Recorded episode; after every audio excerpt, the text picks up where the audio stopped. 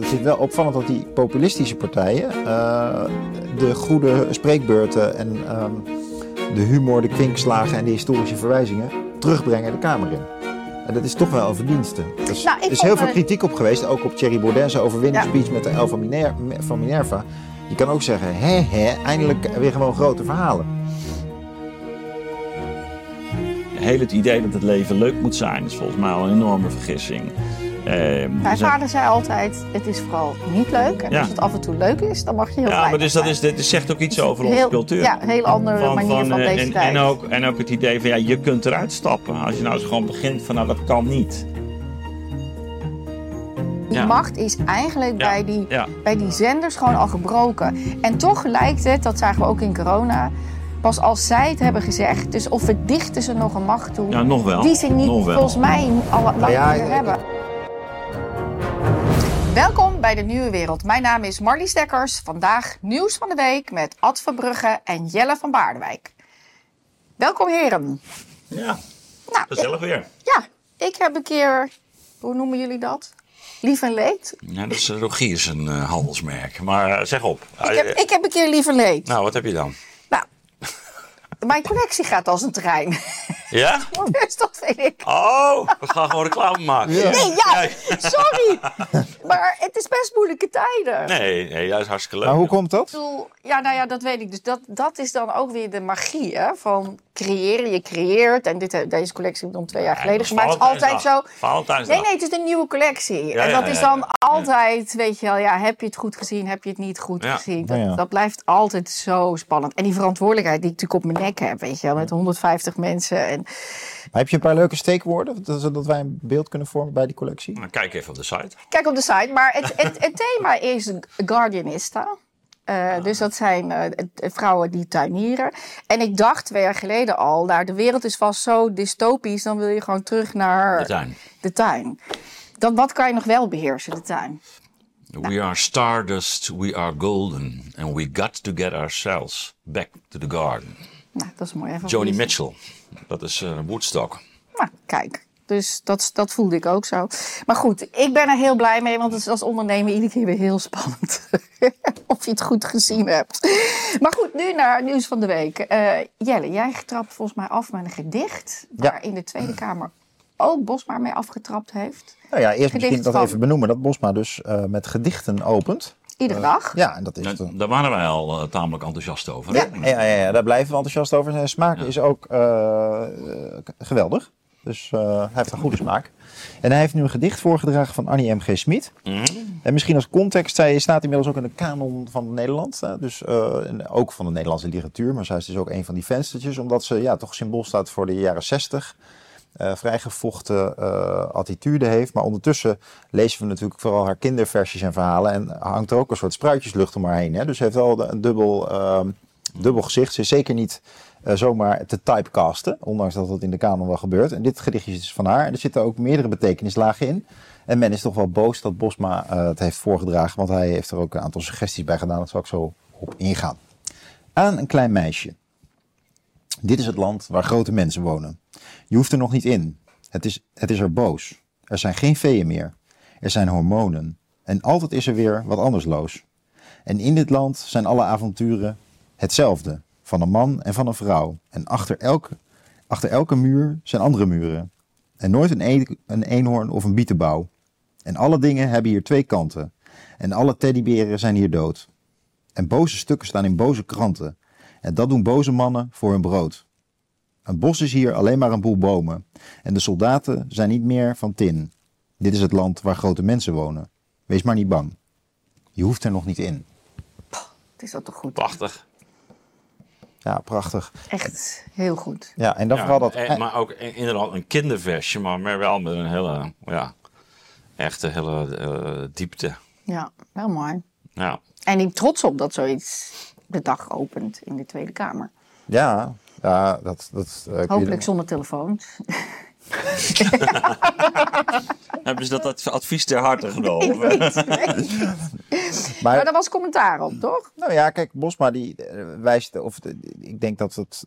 Je kunt het wel zo interpreteren, het gedicht, als... Ja, de kinderwereld is niet de volwassen wereld. En tegenwoordig uh, beschouwen we natuurlijk heel veel vraagstukken die vroeger van volwassen waren, uh, als een soort menselijk. Dus uh, en daar hoort ook wel mee de, bij de, ja, de, bijvoorbeeld thema's als seksuele voorlichting. De lentekriebels. De, de lentekriebels.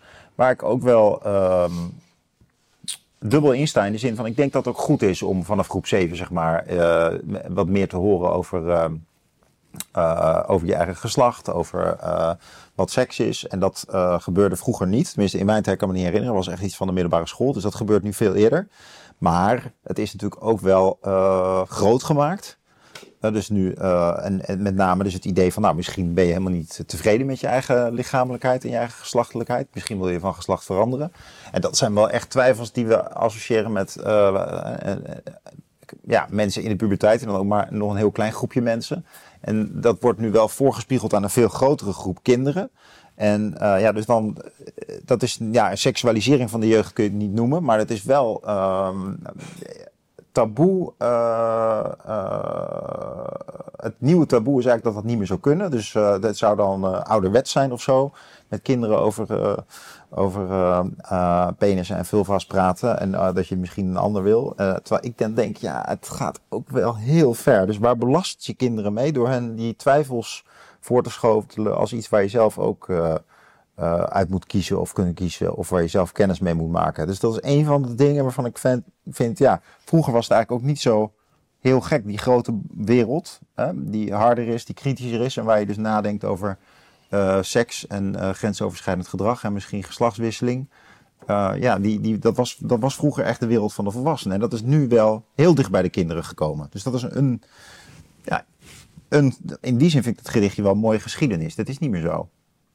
Ja, het is natuurlijk een heel ingewikkeld probleem. Hè? Want we gaan zo. Ik, ik, toen wij seksuele voorlichting kregen, was het natuurlijk inderdaad ook ongemakkelijk. Ik denk dat het altijd een soort iets ongemakkelijks is. Was dat bij jou nog op uh, de lagere school? Of ja, wel op lagere school, maar echt heel ongemakkelijk. Ja, wel een lagere school. Dus, dus dat, zijn, dat is wel interessant, hè, die ja. beschrijvingen.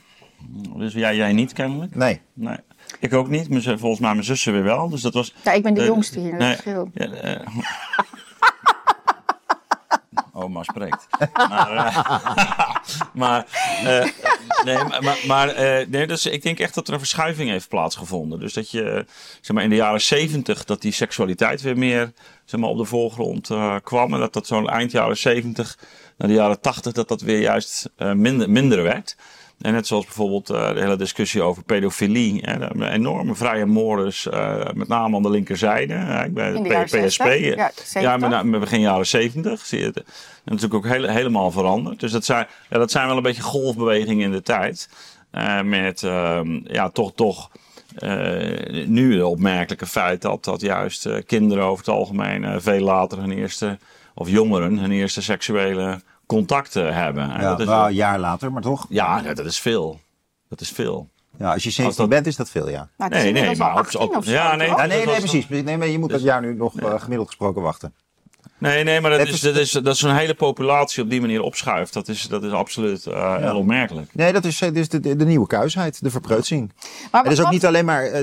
Dus het gekke is dat het dus een dubbele beweging is, waarbij we er en heel veel meer over praten, maar het tegelijkertijd veel spannender zijn gaan vinden. Dus we hebben het heel veel over, mm. over geslachtelijkheid en seks, maar ondertussen zijn we ook uh, aan het verpreutsen. Dus het is wel paradoxaal. Ja, maar wat vinden jullie? Kijk, ik vind het een wonderschoon uh, gedicht, maar zover als ik me kan herinneren, dat, toen ik kind was.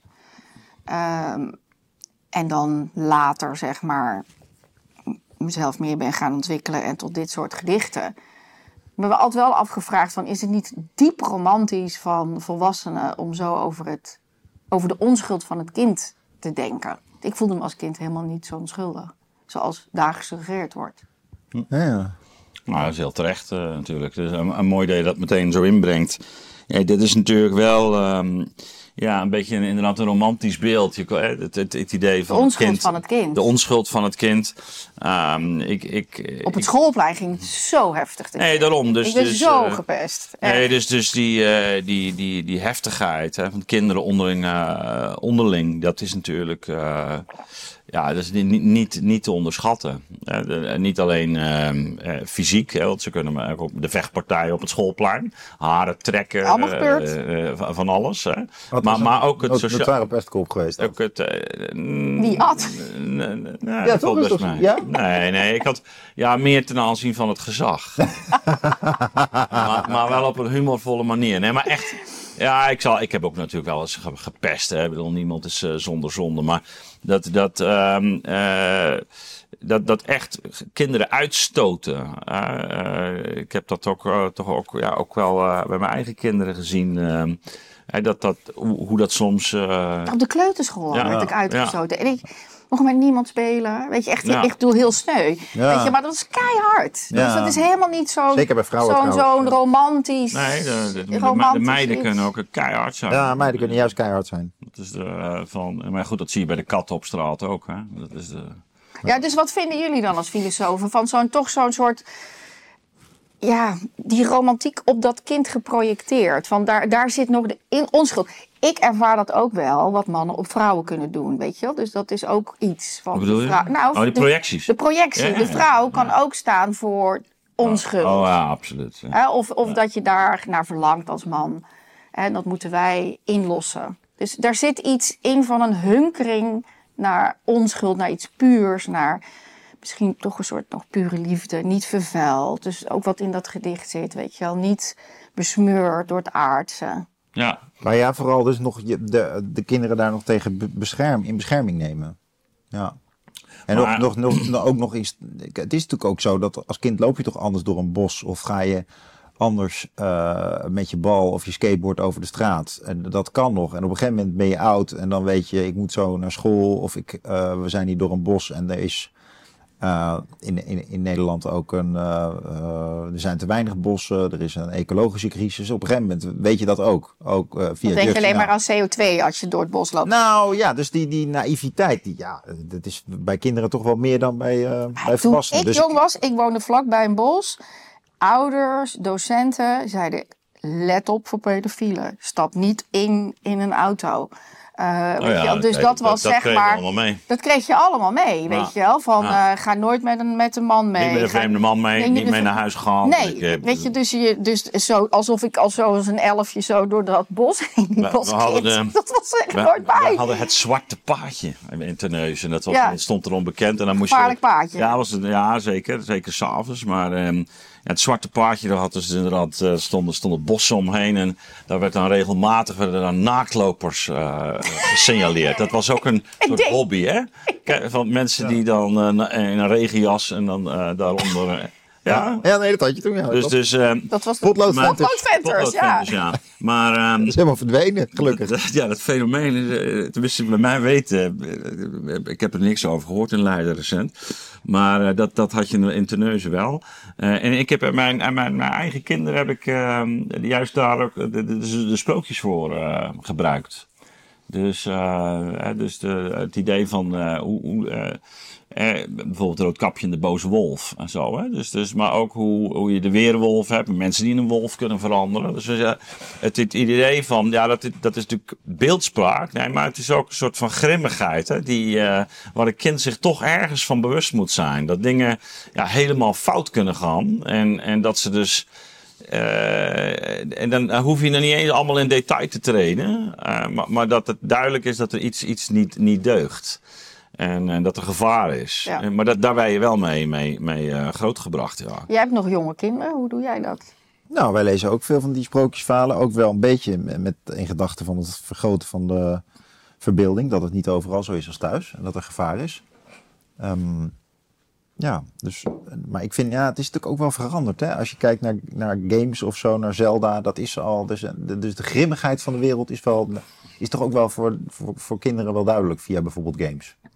Dus dat hele schattige, dat. eh, Nou ja, Maar vanaf welke leeftijd gaan ze gamen dan? Ja, ik zit daar helemaal niet in. nou, ze willen al heel vroeg gamen, maar mijn, mijn zoontje van acht bijvoorbeeld, die gamet graag. Op die leeftijd game je dan toch al? Ja, ja, absoluut. Mm. Dat is ook hartstikke leuk trouwens, hè, gamen. Ja, niet dus eh, ja, we hebben thuis ook wel eens discussies over. Maar ik, ik vind het zelf ook wel leuk. Dus ik, ik, ik, ik bedoel, we disciplineren dat hoor. Maar toch, ehm, dan een beetje wat een monster is. Ja, ja, dat is toch de Ja. vraag. Dat is toch de vraag. Kijk, ik denk wel, ehm, het is niet voor niets dat eh, we natuurlijk ook in ons rechtssysteem toch het, ehm, het kinderrecht hebben. En eh, waarbij de gedachte uiteindelijk is eh, dat kinderen vermindering, ver- verminderd toerekeningsvatbaar zijn. Nog niet echt vrije personen. En ik, en ik vind dat wel ook een heel belangrijke notie om in te brengen. Ja, dus dat is ook in de. Je, je, moet eigenlijk om, de, om, om te kunnen zondigen, om kwaad te zijn, dus ook in, in de Bijbel, moet je de wet kennen. Dat is de, het idee van je moet weten wat je aan het doen bent. En ik moet zeggen, ehm, ik, ik kan me ook wel situaties uit het verleden herinneren. zelfs toen ik 12, 13 was, dat je dingen hebt gedaan. Waarvan ik nu denk, ah man, wat, wat was je toen, wat, wat moet het verschrikkelijk zijn geweest voor degene die dat onderging. Weet je wel? Ja, wat jij hebt toegedaan. Ja, Oké. ja, dat je denkt van, dat is echt gewoon niet oké, weet je wel, wat je hebt gedaan. En, ehm eh, Dus dat waarde- en normenbesef, dat zit nog nee, anders nee, maar in dat is, het is dus, dus, dus waar het, wat denk ik kenmerkend is, en dat is, dat is natuurlijk een deel van volwassenwording, is dat je ergens eh, weet te verplaatsen in de betekenis van je handeling. Voor die ander. En, dat, en daarmee weet je eigenlijk pas wat je doet. En dus op het moment dat je niet doorhebt wat dit, wat dit met een ander teweeg brengt, ja, dan weet je eigenlijk nog niet goed wat de betekenis is van datgene wat je doet.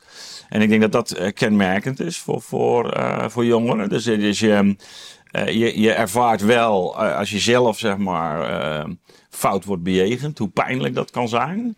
Maar, maar je goed realiseren wat, wat jij teweeg brengt bij een ander. En wat dat, dat is toch een soort van vra- vraagt een soort gevoeligheid en een, en een verbeeldingsvermogen. En ook deels een ervaring.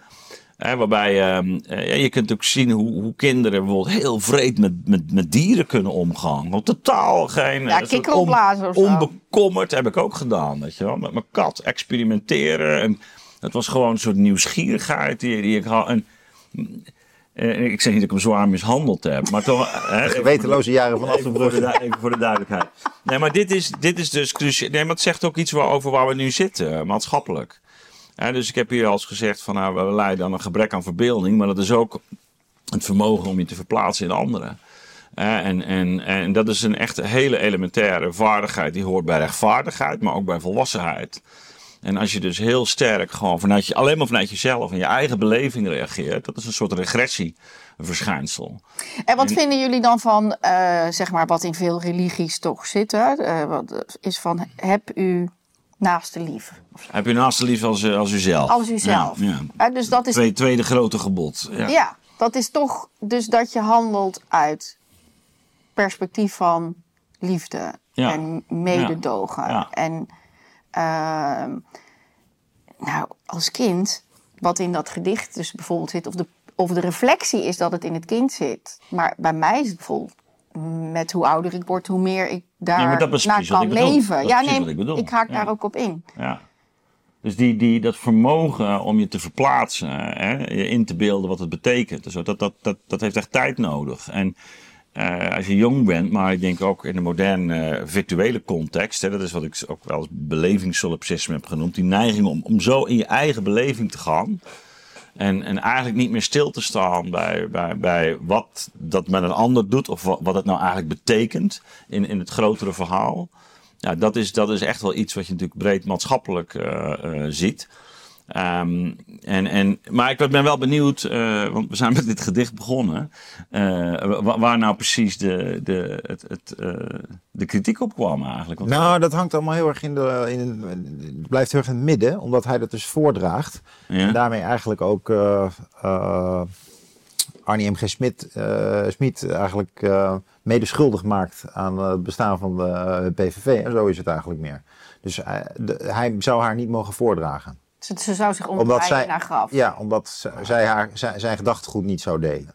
Ja, zo Ja, dan wordt alles het. politiek, ja, hè? ja, ja, ja, nee, dat is. eh, ik bedoel, alles- hij Nee, maar heeft- ik kan me ook voorstellen dat het voor links Ja. progressief Nederland heel heftig is. Dat we dus nu eh, eh, ja, eigenlijk een, een, een voor het eerst een culturele Voorzitter. hebben. Die- Ja, dat, is, dat moet heel heftig zijn, ja. Ja. Dat, eh, Ja. ja. die, ja, in links-progressieve kinder, eh, eh, kinderen, eh, kringen hebben ze natuurlijk eh, management gestudeerd en Europese studies.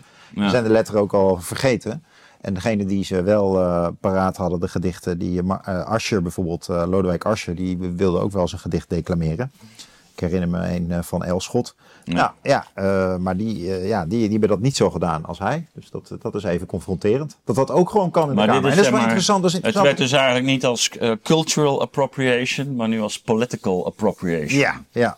Hè? Om het maar zo te noemen. De politieke Ja. toe-eigening van Annie, Annie M.G. Smit. En dat is wel iets Maar wat- het- hij, hij heeft juist een hele neutrale rol als Kamervoorzitter. En volgens mij heeft hij zich daar ook vrij uitdrukkelijk op laten En voorstellen. daar houdt hij zich ook aan, dus daarom Ja. is het gedicht ook voor, spreekt voor zichzelf. En overigens, het hoort ook, ik heb het ook op de universiteit wel eens meegemaakt, eh, dat een eh, decaan eh, vaak een gedicht uitsprak zonder een al te dik erbovenop interpretatie te geven. Maar als onderdeel Hmm. van nog even, ja, tegenwoordig zou je zeggen even een momentje stil. Maar dit is een soort culturele bezinning. Dus het hoort best bij zo'n soort neutraal beroep.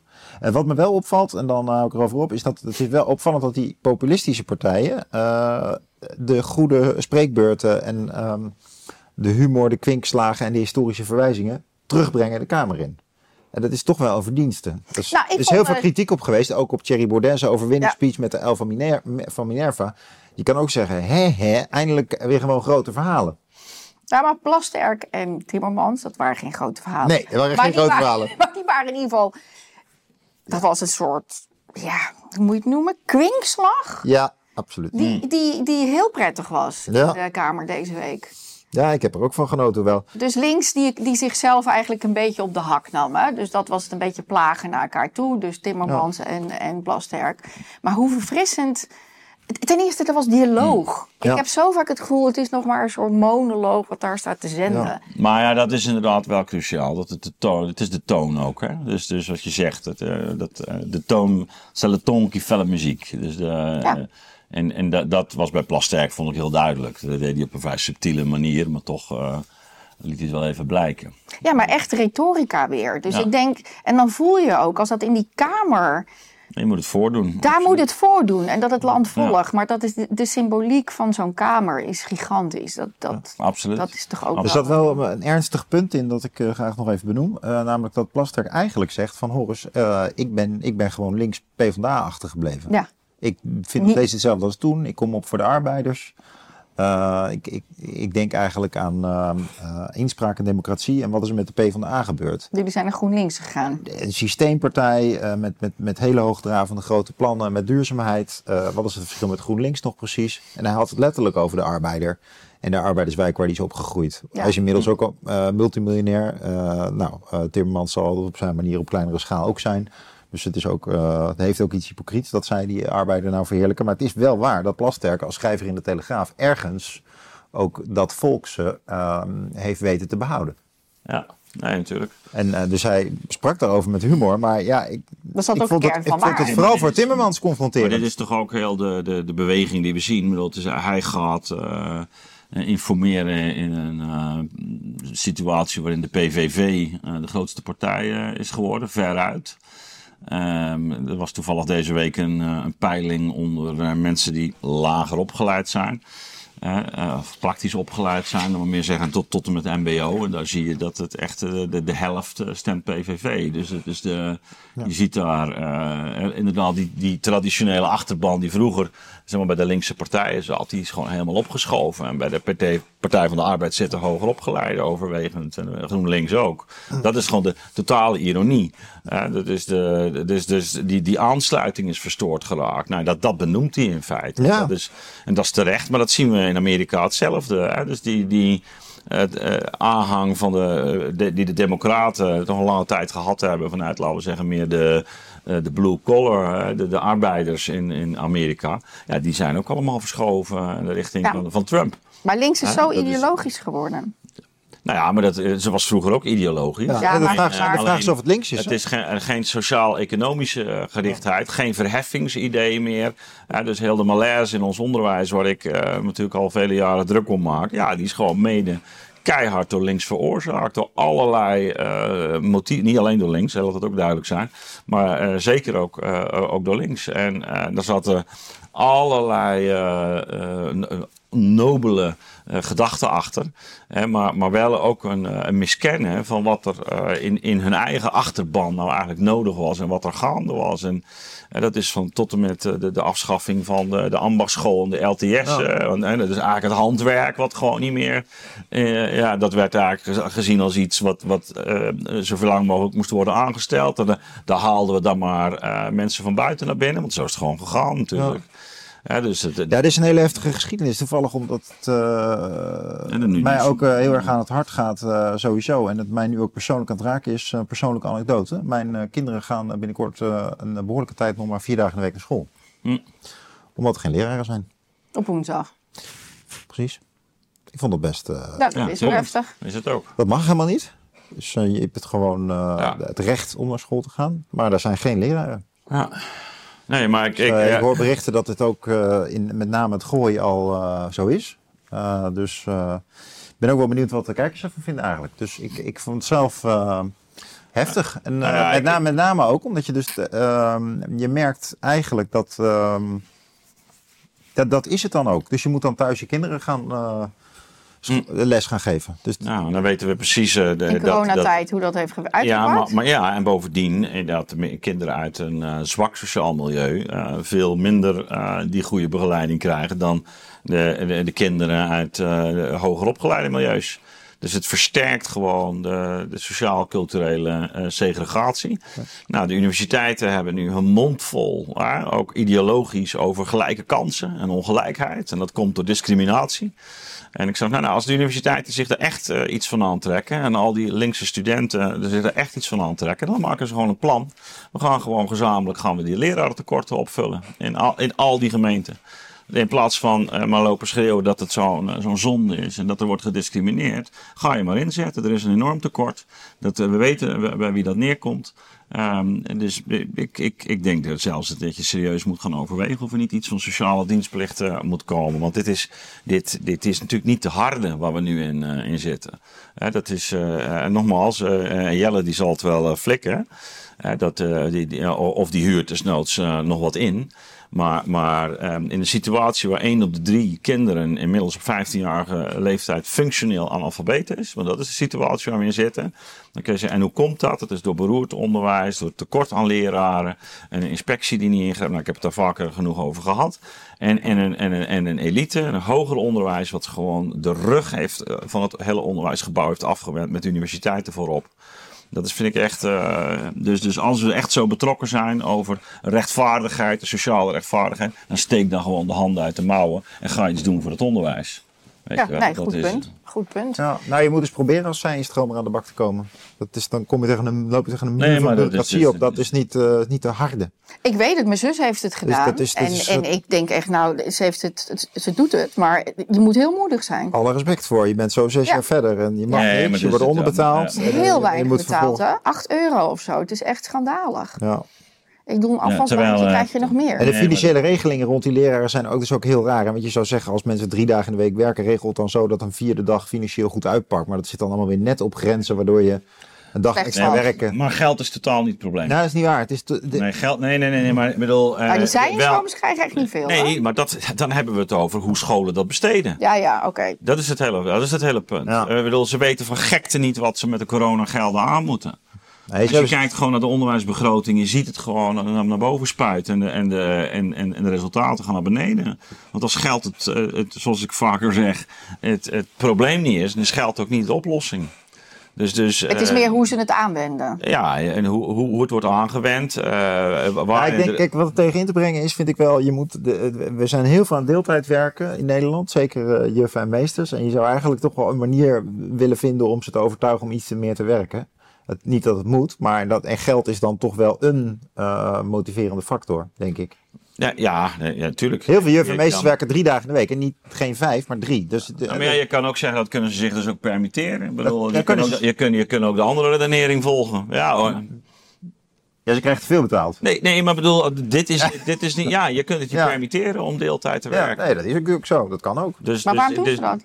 Nou, eh, Ja. eh, omdat, eh, nou, ik denk dat, kijk, eh, Voor een deel is het natuurlijk omdat je in je leven nog andere doelen hebt. En eh, met je kinderen dingen eh, en, en koffie wil drinken en je hobby's wil cultiveren. Maar voor een deel is het ook dat het werk zelf eh, vermoeiend wordt als je het meer dagen in de week doet. Omdat je allerlei administratieve taken erbij hebt. Omdat je niet kan doen wat je zelf belangrijk vindt. Beetje net als gezondheidszorg. Nou, je ziet sowieso dat heel veel vrouwen eh, deeltijd eh, werken. En dat, dat ook gewoon de voorkeur Ja. geven, ook al ze vo- volop alleenstaand zijn.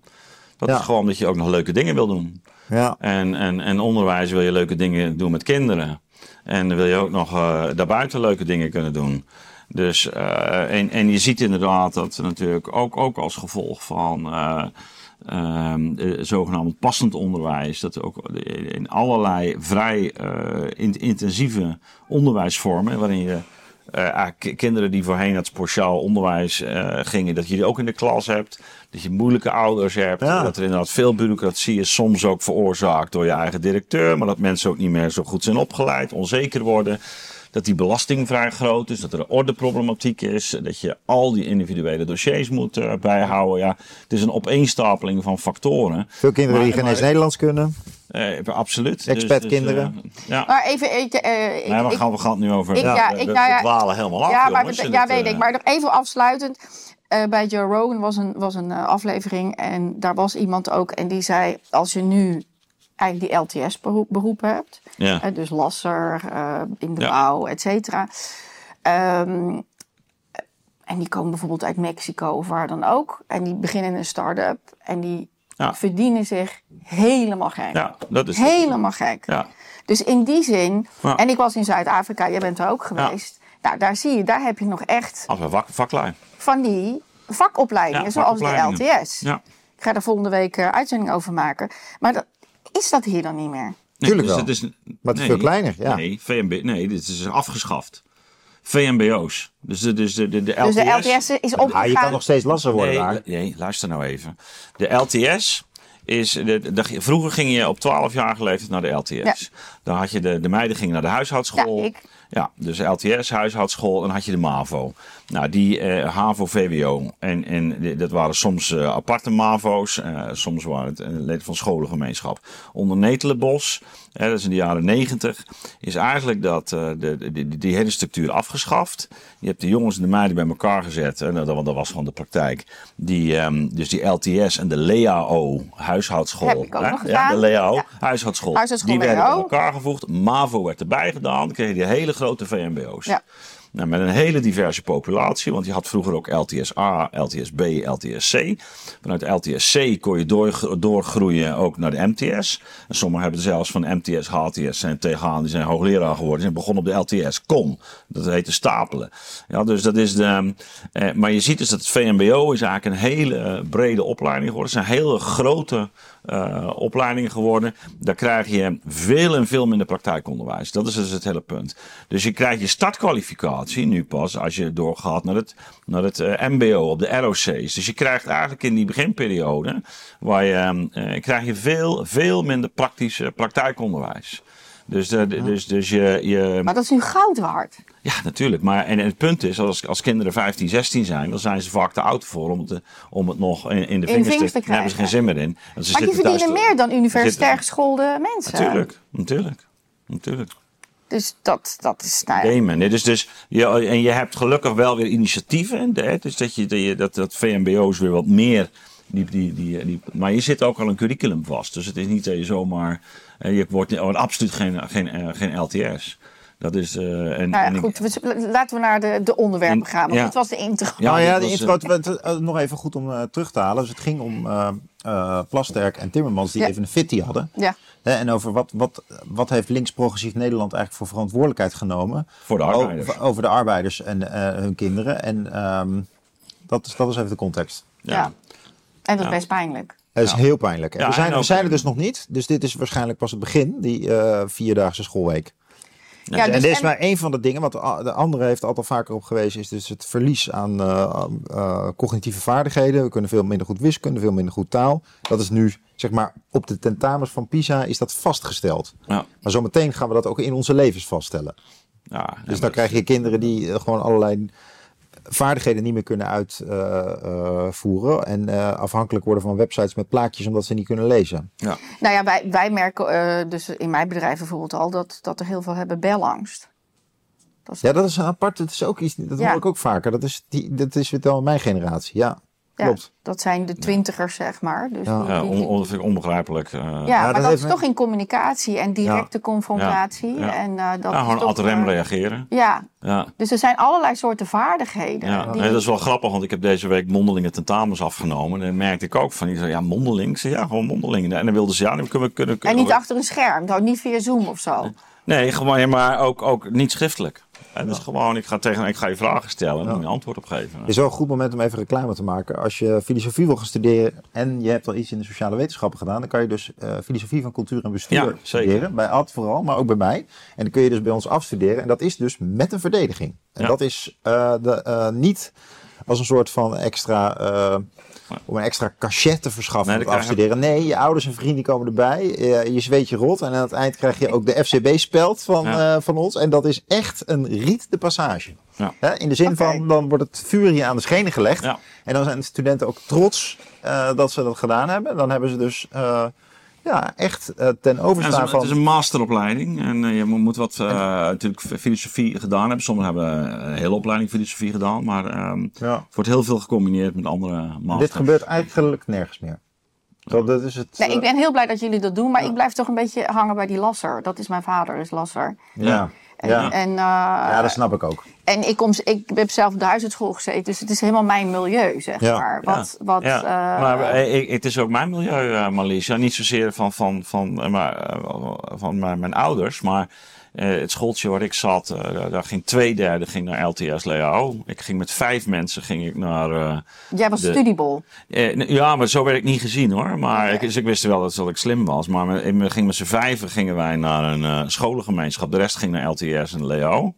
En van die vijf ben ik de enige die uiteindelijk eh, Ja. naar... naar eh, Maar ik heb het gevoel dat nu iedereen moet hoog opgeleid worden. Weet je, dat, Ja. nou ja, misschien heb ik Dat is ook zo, ja. Dat is ook een trend. Ja, terwijl er, als je puur gaat naar het geld, dan zou ik nu zeggen. eh, nou, niet alleen het geld. Nee, niet alleen het geld. Ik en denk dat, vaardigheden. Absoluut, en, joh. en- Ik denk en heel de ontwikkeling van je persoonlijkheid. Als, je, Ja. als jij gewoon een, een project aanneemt en eh, je- Dingen je, maken. Je, je timmert een kast of je timmert een huis of je installeert een centrale verwarming. Dat doet ook iets met je persoon, persoonlijkheidsstructuur. En wij zitten in een gedigitaliseerde wereld. Ja, maar hè, die, is die bij jongens en Ja, meisjes. Die, Ja, maar Marjan Zwageman is ook heel kritisch. Volgens mij hebben we het nu ook weer een paar keer gezegd. Lager opgeleid. Dus zij zegt ook steeds praktisch opgeleid. Ja, maar dat is, dat is, dat Dat is ook is- eufemistisch. Daar wil ik toch even protest tegen aantekenen.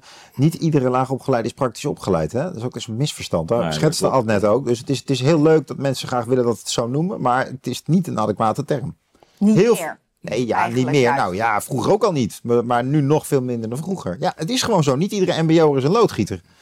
En dat denken wij wel. Er zijn er inderdaad, ik denk dat een kwart in, een kwart in de zorg gaat werken. Maar ik denk dat zeker, dus de, hand, de, hand, denk- de handvaardigheidsberoep. ik denk, ik, De- de ambachtelijk spijt me om te zeggen, maar ik denk Ja. dat 40% een administratieve Ja. Excel-sheet baan krijgt. ja. En daarvoor wordt Ja. opgeleid. En dat Ja. is niet, niet in een praktische zin. Dus Nee. eh, Oké, oké. het zijn gewoon aftreksels van HBO bedrijfskunde. Oké, nou goed. De, Dus de- oh, dit, dit, de intro, kunnen we hem hier nu bij, bij ja, het is, afsluiten? eh, het, het- Lange het is heel, het is heel bont Ja. vandaag. Gaan we eindelijk naar Dennis Schouten? Ja, dat. Nou ja, Nou. dat, dat, dat, daar, dat, Ja, dat is wel een overgang. Eh, ik, ik, ik, ik heb de behoefte om toch even een strikker om dat, eh, om dat gedicht eh, te zetten. nog, Want daar zijn we mee begonnen. ja. Vind je dat we dat heb- niet hebben gedaan? Nou, vervolgens, eh, ik toch even reconstruerend heb jij gezegd, ja, maar zijn die kinderen wel zo onschuldig? Mhm. Toen hebben we het gehad over, ja, er is toch een verschil. maar Het heeft met, met, met die toerekeningsvatbaarheid te maken. Dat kunnen verplaatsen. En, nou ja, dus kennelijk was er kritiek op Bosma, omdat hij zich dat, dit had toegeëigend hè, als PVV'er. Terwijl hij gewoon Kamervoorzitter eh, is. En, en, en ik vond jouw thema dus wel mooi, dus over die, over de, over die onschuld. En ik denk, dus de strik eh, zou wat mij betreft eh, inderdaad zijn dat het toch belangrijk is. En daar refereerde Jelle aan, om, om juist ook iets van het kinderlijke te bewaren en, en, en dat van de, oude, de, de, de, van de volwassenen daar wel van te scheiden. Als iets te zien van, ja, daar is overal een tijd voor. En dat is volgens mij de, de boodschap van dat gedicht. Er is overal een tijd voor. En we zijn wel heel erg ook onze kinderen ook aan het belasten met, met dingen waar ze eigenlijk als ze nog niet goed in perspectief kunnen, kunnen plaatsen. En, en, en, en ook met ehm, te, te weinig sprookjes en verbeelding. Ja, dus het is, het is denk ik. eh, Nou, ik denk dat er wel, toch best wel wat, wat af voorgelezen wordt voor het slapen gaan. Maar misschien de verantwoordelijkheid ook nemend van de volwassenen. Dat heb ik van jullie nu ook geleerd.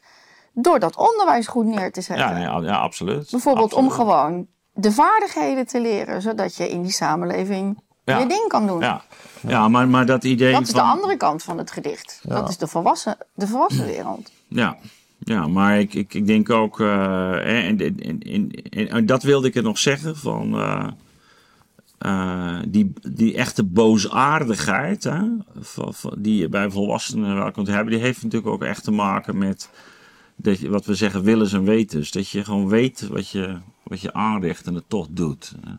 En gewoon gemeen, gemeen bent, weet wat dat betekent en het, en het toch doet. Ja, dat is die gewetensvorming, die volwassenwording. Ja, dan komen we volgens mij bij het volgende onderwerp. we dat is het syndroom van. Munchausen bij proxy. Ja, daarom wou ik dat nog even Ja. noemen. Ja, dat, dus dat daar gaat precies mis wat mij Ja. betreft. Daar gaat het zeker mis. En daar lijkt het dus bij Dennis Schouten. Dus die had bij Roddelpraat.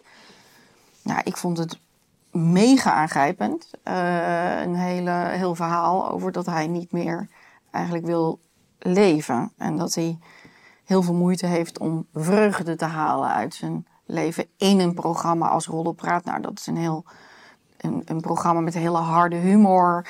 eh zeikt celebrities af. Ehm, nou ja, is, is, is, is volgens mij een hoog biergehalte, zeg maar. En dus het was heel vervreemdend in zo'n soort format. Zo'n hele gevoelige ehm, ja, Dennis, die dus vertelt over dat hij eigenlijk niet meer verder wil. Daar eigenlijk een, dat daar een boek over gemaakt is. Hè? Dennis heet het boek ook. Ja, beschadigd op weg naar de dood. Wat, eh, ja, wat was jouw afdronk, Jelle? Ja, ik dacht eerst van wat, wat een soort mindfuck. Van dat is een programma waar je steeds eh, iedereen de maat neemt en afzeikt en met heel veel eh, kwinkslagen ook op elkaar reageert. En dan komt er opeens zo'n heel ernstig thema. Toch ook alweer op een luchtige manier gebracht. Dat samen met Jan Roos doet hij dat, ja, hè? dat hij eigenlijk niet meer wil leven en eh, nooit gelukkig is. Eh, wat, mij, wat mij heel erg eh, aansprak was dat hij zei van... ja, kijk, in theorie heb ik het zo goed voor elkaar, maar van binnen voelt het niet zo. Ik voel mezelf niet. Ja, maar hij suggereert dus Ik ook denk dat, heel van... veel, ik denk dat heel veel mensen dat direct herkenden. De, de- het, is ook, het is toch ook een beetje de psychologie van het, eh, van het Instagram-tijdperk. Toch dat je aan de buitenkant heel goed eh, weet te presenteren aan anderen. En als je mensen dan spreekt, ja, ik heb eigenlijk niet zoveel vrienden of ik ben vaak verdrietig. En hij heeft dat dan in extreme vorm. Ja, omdat hij door zijn moeder Nou. vergiftigd is met Ja, ik wist dat niet. Medicijnen. jij- Nou ja, dat suggereert hij. Ja, ja, Dus ja. hij suggereert toch dat die moeder Ja. dat syndroom van Moonhouse bij proxy heeft. En Ja. dat hij, hij en zijn zus dus eh, ja, allerlei medicatie heeft gekregen. Dat daardoor zijn hersens eigenlijk ook niet meer helemaal goed functioneren. En hij niet bij een geluksgevoel zeg maar kan komen. Maar dat komt wel samen met een tijdsgeest. Dat begrijp ik dat je dat Ja. aankaart. Maar Ja, dit vond ik ook wel heftig en de- nog moeilijker. Maar ik, ik dacht echt steeds van mijn ironiemeter staat hij wel goed afgesteld. Ja, dat ze het- volgende week zeggen van is- ha, ha, ha, is dit het niet was door een grap. Eh, maar eh, ja, nee, ja, toch. eh, ja, ja, ik kan het toch eigenlijk alleen maar serieus nemen. Eh, maar dit, dit vind ik dan toch wel weer een bizarre, bizarre wending dat dit erachter zit. Dus dat zijn moeder hem ziek heeft gehouden om hem te kunnen verzorgen. Dus het ook een Ja, soort- dat, dat, dat, dat komt vaker voor. Dat, Tragisch dat komt heel vaker voor. Ja. ja. ja, Dat is ook een vorm van daarmee ook aandacht krijgen binnen het systeem, afhankelijkheid eh, eh, kweken tussen, tussen de een en de ander. Ja, ze gaan ook heel En- vaak naar en, ziekenhuizen, eh, Ja, dus je dokters, krijgt, je eh. krijgt hè, eh, allerlei eh, eh, aandacht en ook het, het kind bindt zich aan jou natuurlijk. Dus, dus, afhankelijk. want het, wordt, het, het is, het is kwetsbaar daarin. Dus, dus, ehm, ja, ziekelijk. maar, maar goed, ja, ik, ik, heb, ik kreeg het van jullie mee. En ehm, ik heb het laat deze week zitten kijken. En eh, ja, ik voelde meteen een enorme weerzin. Als ik eerlijk ben. Hm. En dat heeft, eh, dat heeft denk ik eh, vooral eh, ermee te maken. ik, ik, ik wil niets afdoen aan, eh, de, de ervaringen van, eh, van die jongen, hoe heet hij? Dennis, Dennis, Dennis. Dennis, sorry. Dennis Schouten. Dennis Schouten. Ik wil niet, daar wil ik niks aan mij is hij afdoen. 28 of zo, nog heel jong. Maar eh, ja, ik, ik dacht wel aan de. Nou, heel jong. Dat, dat was erbij. Vroeger had je dan gezin en kinderen. Ehm, eh, eh, dus het is gewoon de, de, de eindfase van de adolescentie. Je ziet dat, dat dat ook een. Dus ehm, eh, het, wordt, het wordt eigenlijk vroeger al geassocieerd met de, de, de, de terugkeer van Saturnus, hè, vadertje tijd, die op, op de plek van je geboorte terugkomt. Dat is een omloop van 29 jaar. Saturnus is ook eh, ehm, degene die limieten stelt, die, eh, die ook wordt geassocieerd ook met, met zwaarte, met depressie, met grenzen, met bedrukking, met, eh, maar ook met discipline, met ernst, met, eh, met toewijding. En, en ja, eh, dus in de, psychologisch gezien, vanuit die oudere traditie, zegt men dat ja, je eigen leven ga je pas leiden na je 29ste. Daarvoor leef je eigenlijk nog het leven zoals je het meegekregen hebt van je milieu. Hè? Dus je moet, het is een. En, en dan ga je eigen leven bouwen in toenemende mate. Ehm, maar eh, ja, wat mij opviel hier, en, en wat mij dus ook, eh, ja, dit is een fase die bij veel jongeren zwaar valt. Hè? Dus eh, je ziet dat eh, de, de, de, de zelfmoorden bijvoorbeeld bij popsterren, in de 28e levensjaar is heel bekend. Hè? Denk nou ja, Kurt, Kurt Cobain bijvoorbeeld, hè? maar je kan ook... eh, Winehouse Amy. Amy, Amy Winehouse, je kan naar, eh, je ziet dat eh, Jimi Hendrix, eh, nee, die zijn aan de overdose, Jim Morrison, eh, Janis Joplin, allemaal, Rond die tijd. eh, al- allemaal eh, de 27e, hun acht- in hun 28e levensjaar. Nou ja, wat, wat, wat cultureel gesproken zeggen, ja, je, moet, je, je hebt natuurlijk, dus de overgang naar de, de eigenlijke volwassenheid. Hè, wordt, en en eh, ja, hij zit dan na, met een volwassene, in dit geval Jan Roos. eh, en ja, en je merkt van, eigenlijk eh, kunnen we hier niet mee omgaan. Dat, ik, ik vond het dus ook de, toch ook een soort half grappige manier die er. We hebben het, godverdorie, over iemands, iemands mogelijke einde.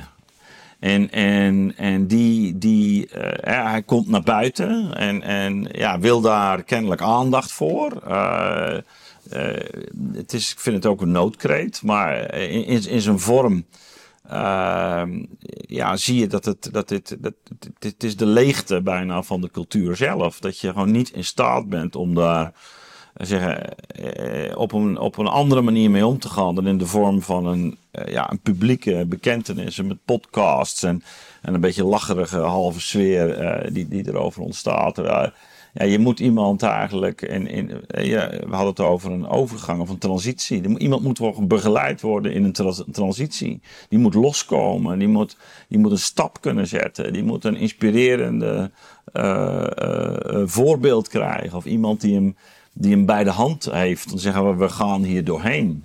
Weet je? En, en heel het idee dat het leven leuk moet zijn, is volgens mij al een enorme vergissing. Eh, Mijn zijn- vader zei altijd, het is vooral niet leuk. En Ja. als het af en toe leuk is, dan mag je heel ja, maar dus dat, is, dit zegt ook iets Dus over onze heel- cultuur. Ja, een hele andere manier van eh, deze en, tijd. en, ook, en ook het idee van ja, je kunt eruit stappen. Als je nou eens gewoon begint van nou, dat kan niet. Dus, dus de, dat is net als met een, eh, met een huwelijk of met een relatie. Met, je kunt overal uitstappen. Je kunt overal mee ophouden.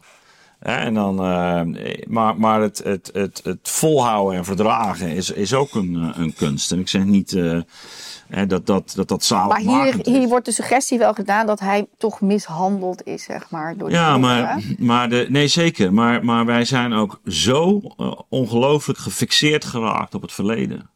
In, in, in heel onze cultuur. En, en het, is, het is wat mij betreft ook de kwalijke invloed van Freud.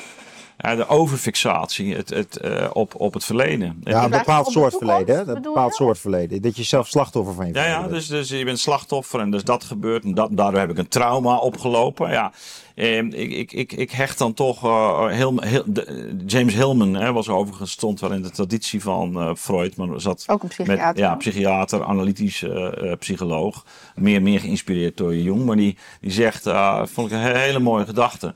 En van, wij worden niet zozeer bepaald door de gebeurtenissen uit ons verleden. Maar door de wijze waarop wij ons deze herinneren.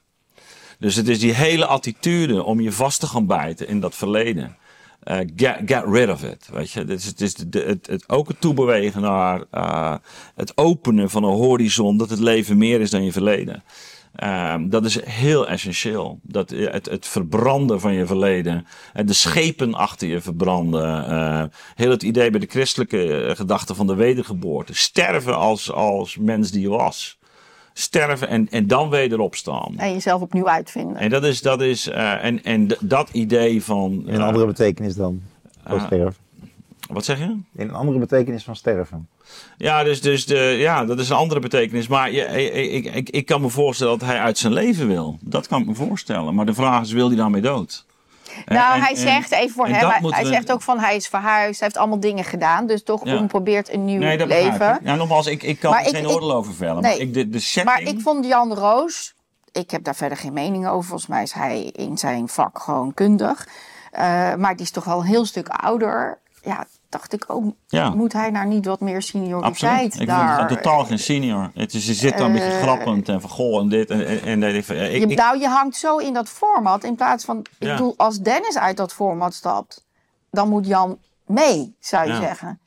Al is het alleen maar door een arm eromheen ja, te jongen, slaan. Of, weet je wel, jongen, ja. Ja. Absoluut. Dat vind ik, vond ik ook. Ik vond dus het, dat, volgens mij was dat ook. Vond het ontluisterend. En, en, en, en het inderdaad uh, het teken van uh, ja, wat ik dan ook kan noemen, het wegvallen van de verticale verhouding. Hè? Dus de, dus de, de, de, of de ouderen of de oudste. Die, die, die ook iets van een, um, een opdracht in zich draagt. Zowel in de zorg naar beneden.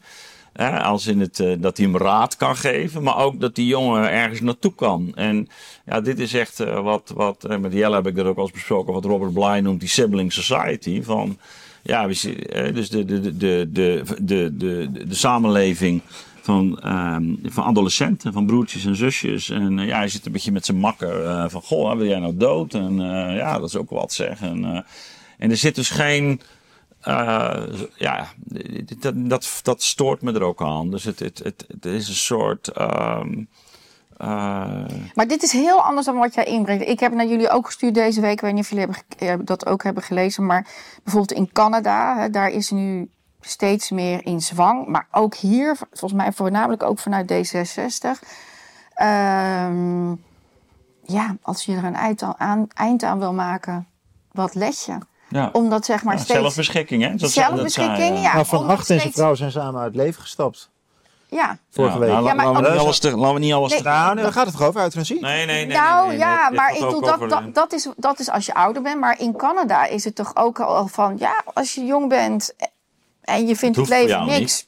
Ja, dus het tegenovergestelde wat jij zegt. Ja. Nee, die optie kan niet. Ik zet hem dicht. Ja, Hè, dus het min of meer vanuit religie is ook heel vaak toch... als je zelfmoord pleegt, kom je dan wel in de nou ja, dus, hemel. dus, of- dus we zeggen het leven is heilig. Hè? Ja. Dat, is in dat, de, de- dat, dat, dat claimen we op heel veel terreinen. ja, maar en- en dat, dat is weg aan het gaan. Ja, en, en dat betekent dus ook, ook jouw leven is heilig. Hè? Dus, dat, dus dat, de, het idee dat jij daar zomaar zelf over gaat, hè? dat zegt Plato al. Dat, hè, we zijn het bezit van de, van de goden. Hè? We zijn niet in ons eigen bezit. En, en, eh, en, en eh, dat, ja, dan hoef je dat spoor niet te volgen. Maar ik denk, eh, waar het mee begint, is denk ik toch wel de, de, gewoon de opdracht om door, de, door de, de ellende en door de zwaarte ook gewoon vol te houden. Dat, dat, dat dat een deel is van, van het leven. En wat me waar misschien. Dus de, de hele traditie van eh, de, de, de, de reis door de nacht, de nacht van de ziel. De, de, de fasen van depressie die, die jaren aan kunnen houden. En ik heb zelf ook fasen in mijn leven gehad dat ik nou niet eh, de, meest gelukkige was. tijd had. Maar. Ehm, eh, en, en nogmaals, ik, ik, ik kan het niet vergelijken eh, met, met eh, wat, wat zo'n Dennis dan doormaakt. Of wat, wat anderen doormaken. Dat is moeilijk te zeggen natuurlijk. Maar ik denk het vertrekpunt moet zijn, is we, we gaan door. En, en ook, ook dat leed kan ook, ook nog ergens toe dienen. Ja, maar, maar dit is dus anders dan wat er nu toch vanuit de overheden en vooral de meer progressieve, Ja. Dat ze vinden dat het Nou, het Nou, is boek- goedkoper in het Ja. zorgstelsel. Eh, dus ook al als je wat ouder bent, joh, neem een pil. Scheelt heel veel zorgkosten. Echt super pragmatisch. Is nu gewoon bespreekbaar Ja. in, in, in Ja, dat- meerdere landen. Ja, Ehm, valt veel meer over te zeggen. hè? Ah ja, ook dus jongeren die dan zeg maar, ja, als, als het je niet zint, dan, ja, dan stap Ja, maar ondraaglijk uit. lijden. Hè? Dat is Ondraaglijk nu, dat, lijden. Daar kun je ook psychisch eh, kun je Ja. dat eh, interpreteren. Nou ja, ik, ik heb er net- heel veel moeite mee. Maar Ja. ik weet niet hoe, hoe, nou ja, jij dus ook. Maar Jelle, misschien heb jij andere... ik heb er ook moeite mee. Ja, nee, ik over. vind het ook mooi verwoord eh, van Adnet. Dus dat, dat die optie op tafel ligt, dat is heel heftig. Eh, bij ouderen, eh dat moeten we maar een andere keer bespreken. Maar het is inderdaad ook wel een eh, vraagstuk of, eh, zoals we nu mensen medisch begeleiden naar de dood, of dat dan allemaal zo Nee, nee, normaal nee, is. nee. hè? Dus- de IC is ook niet de weg. Nee, maar er zijn al heel veel mensen die de laatste, de laatste twee jaar nog aan de medicijn Nee, zitten. zeker. En eh, inderdaad ook enorm op de rijksbegroting drukken. Dat is gewoon ook zo. Dus Mm. dat daar een overweging is van waarom zou ik dat eigenlijk doen. eh, dat, daar, daar, daar sta ik wel op een andere manier voor open. Maar, eh, Ja, maar dat is dus ga je maar door met behandelen. Nou ja, dat is, mag, Dat is iets we- anders dan zelf kiezen, ik stop met het leven. Ja, nou, het heeft wel met elkaar te maken. Want als je die keuze dus niet maakt, dan blijf je dus eeuwig behandelen. Maar laten we nog even naar die jongeren. Wat mij altijd opvalt, of altijd opvalt, wat ik zo paradoxaal vind aan Nederland, is dat we aan de ene kant de gelukkigste jeugd hebben van de wereld schijnt. Dus er zijn al een paar. Dat ook nog Er steeds? zijn een paar andere apenlandjes zoals Denemarken, waar eh, kinderen ook heel gelukkig zijn. Dus, en dat schijnt ook al decennia het geval te zijn. Dus zeg maar vanaf Annie M. G. Smit al. Dus eh, kinderen maken het hier gewoon goed. En eh, ja, ik zie het Wij ook. zijn hele leuke ouders. Ja, we zijn een, een, een cultuur waarin het kind eh, ja, op de een of andere manier eh, ja, gewoon lekker kind kan zijn. En eh, we hebben heel veel eh, Ja. leuke kindercultuur. Denk aan het klokhuis. Tweede punt, zodra kinderen volwassen moeten worden, worden ze heel ongelukkig. Dus als je twintigers of dertigers vraagt, geef je, geef je lijf een cijfer. Dan eh, is, is een dramatische val. Dus er schijnen, het schijnen ook bij weinig landen te zijn waar De val zo groot. ja, waar de val zo groot is. En dat is dan heel, dat is heel paradoxaal. Hè? Waar zou dat mee te maken kunnen hebben? Dat, dat, dus blijkbaar hebben we een, eh, een cultuur van rituelen en gewoontevorming en media die wel eh, zeg maar tot je twaalfde of vijftiende perspectief bieden. Met, eh, met voetbaltrainingen en ehm, eh, scholen en ons- schoolmeesters en dorpen, fietsen op het fietspad met Ja. de ouders. Ik, ik, En, eh, en waar daarna, eh, dus de, de- waar komt deze paradox vandaan? Ik zou dus zeggen als eerste reactie, je wordt ontzorgd en dan moet je op een gegeven moment de zorg zelf pakken. Dus je Maar- moet zelf geld verdienen, verantwoordelijkheid nemen en daarvoor doen je ouders het maximaal. Dus je bent gewoon te verwend voor het voor Nou ja, het dat leven. is- hoe- dat is hoe een kom je hier mening, precies maar- bij, eh, Jelle? Want ik, ik bedoel, we hebben ook naar aanleiding van ehm, eh, de, het hele onderzoek eh, dat heeft plaatsgevonden kort na de coronatijd, eh, hebben we hier ook al mensen aan tafel gehad. Hè, dat de, de helft van de, de jongeren kampt met depressie. Eh, toen nog, eh, enorme eh, toename van het aantal eh, zelfmoord. eh, Ja, eh, maar dat is toch precies eh, waar ik op wijs? Nee, maar dat hebben we het gewoon over kinderen. We hebben het over kinderen, over, Oh. over adolescenten en, en en Ja, ja nee, nee, ik ook. Maar ik bedoel dus, dus- tot de 12, hè? Oh, nee, tot, maar tot je- 12, nee. 15 zijn kinderen dus heel tot, tot, gelukkig. tot 12 misschien, Ja. ja. Nee, want het is, Nou, dit is, ja. Dus, maar, nee, Maar de kinderen, dus echt kinderen zijn heel gelukkig. ja, terwijl jongeren... hele, hele die- jonge kinderen. Hele jonge kinderen. Dus, dus die, eh, dus, dus, die- want jongeren dus al, niet- alweer niet. Nee, jongeren alweer niet meer. Klopt. Nee, ja. En dan worden het zat dan ook- jongeren tot en met 30. Hè? Dus, eh, dus ook ver na het afstuderen. Dus, Dus we zitten in kla- krankzinnige klassificaties. Dit is gewoon een volwassen man, hè, dit. ja, Dennis. 28. Ja. 28 is gewoon een volwassen man. Dus vind ik echt... eh, Ja, maar er is wel een- die, die, die, Dus dat hele idee van jongeren, eh, dat zijn we aan het oprekken, dat woord. En tegenwoordig ben je gewoon op je 35ste nog een jongere. Wat is dat voor onzin? Maar ik vind dat wel een goede pushback, ook bij me voor mezelf. Ja, want ik had ook zoiets van jonge jongen. Maar omdat Nee. ik denk, dat zou mijn kind kunnen zijn. Ja, dat is wat anders. Maar ja, ja, dat is geen jongen, dat is gewoon volwassenen. Coat en Bie spraken al van oudere jongeren. Ja. Oudere Nee, maar jongeren. dat is dus, dus eh, daarom zeggen we op, op 18, eh, je kan zeggen, nou ja, dan ga je de, eh, de adolescentie eh, ga je in. Hè. Maar Sommigen laten dat eerder beginnen. Eh, en, en, eh, maar dat is jongvolwassenheid, adolescentie. Adolescentie is ook niet dat je, dat je een jongere bent. Ja, de biologie loopt ook een beetje loopt er ook doorheen. Hè? Want ik dacht dat meisjes juist tegenwoordig iets eerder in de puberteit komen. Dus oh, bij meiden zal de adolescentie 11, echt... 12. Die zullen echt wel eh, met 18 de adolescentie ingaan. Ja, maar Nee, tegelijk... maar jongens gaan ze ook, ook, ook adolescent op 18, dan ga je studeren. Dat was vroeger altijd bij adolescent. Nou, daar, maar daar hebben we het ook wel eens vaker over gehad in andere gesprekken. Maar bijvoorbeeld op kamers wonen. Hè? Dus op kamers wonen gebeurt veel minder. Er zijn trouwens ook geen veel- kamers. Het komt veel weer door die, al die buitenlandse studenten. mede. Hè? Dus Ja. het, ik bedoel, het is gewoon Ja. zo. Die, die, die houden natuurlijk die kamers bezet. Maar eh, sowieso op hogescholen eh, op kamers wonen. Nou, ik ben benieuwd naar de kijkers. Maar eh, het gebeurt nauwelijks. Ga je op kamers, dan ga je daarna, boemerangkind heet dat. Ga je weer terug naar pa en ma. Totdat je genoeg verdient. En dan ga je eh, echt het huis uit. Dus het hele idee met 18, 19 ga je op kamers. En dan blijf je ook weg. Misschien dat je nog een keer drie maanden terugkomt. Dat is alweer geschiedenis. Om te beginnen, er zijn niet eens genoeg kamers om op kamers te gaan. Als je dan gaat, dan ben je dus al, ben je al vier, vijf jaar verder dan dat het in mijn tijd normaal was. Het was best normaal om op je 19e, 18e te gaan. Nou, oké, sommigen gingen op een 21ste. Maar het is Ja. nu volstrekt, dus daarmee, en dan blijf je natuurlijk in het patroon van je ouders. Je eet gewoon s'avonds mee. eh, Ja. Je zit op hetzelfde internetabonnement. Dus eh, het is dan eigenlijk ook wel logisch dat, dat er een verkinderlijking van Nee, onze dat- cultuur dat- nou, absoluut. absoluut. Is. En zo hadden wij het ook over die militaire dienst, weet je nog. Maar, eh, nee, nee, maar dat is, dat is natuurlijk gewoon volop gaande. En je hebt ook niet het generatieconflict zoals je dat... eh, eh, Ja, maar bij Dennis is het volgens mij allemaal anders. Hè? Maar Ja. we, we moeten zijn boek Nou lezen. ja, hij staat wel symbool voor iets groters. Nou ja, niet, niet iedereen heeft zo'n moeder met het syndroom van... eh, Ja, nee, maar dat is, die medicalisering, die, dat, ik, oké, dus dat is, dat is ook interessant om meer over te, le- eh, over te weten van hem. Maar de andere kant, wat hij zegt over zichzelf. Ik heb het idee dat ik op papier een goed leven heb, maar van binnen voel ik mezelf niet. Dat is ook heel herkenbaar. Ja, dat Dus dat is resoneert bij heel jou. her- Ja. Nee, niet bij mij. Dat is, Nee, jij vindt dat resoneren in deze tijd. ja, ja, Ja. En dat heeft iets te maken met dat heel veel jongeren inderdaad in die beeld, letterlijk in die podcast eh klets eh, cultuur zitten. In hun hoofd. eh, te gamen op een manier die je niet meer vertrouwd maakt met de wereld. Die je niet meer bevredigt ten diepste. Eh, die ook liefdeloos is. Hij zegt ook, ik wil graag liefde. Die, die heeft iets liefdeloos. En liefde heeft natuurlijk ook te maken met iets doorstaan. Dus niet alleen maar eh, lijden, maar het heeft wel iets te maken met dat je jezelf opoffert voor iets of iemand. En dat, dat we blijkbaar een volwassen wereld hebben, ehm, eh, die dus veel later begint. Dus een jongere wereld die langer duurt, waarin dus eh, liefde opbouwen voor bepaalde praktijken waar je je verliest. Waardoor je niet alleen maar zit te lullen in je podcast.